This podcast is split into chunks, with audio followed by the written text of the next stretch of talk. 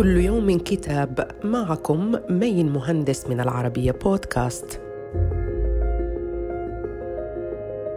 نتناول اليوم كتاب رقائق الثلج للأديب الياباني تانيزاكي جونتيشيرو ومن ترجمة آية حسن وهي رواية من كلاسيكيات الأدب الياباني تدور أحداثها في ثلاثينيات القرن الماضي خلال فترة ما بين الحربين العالميتين حول أربع أخوات يظهر سطورها الأولى أن لكل واحدة منهن حكايتها.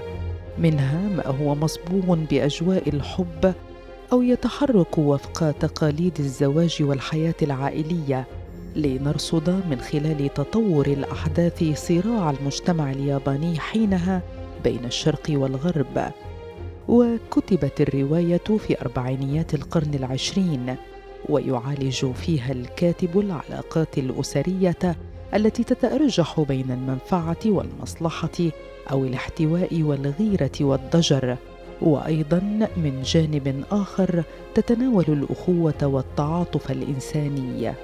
صدر الكتاب عن دار المحروسة في القاهرة وإلى اللقاء مع كتاب جديد. Música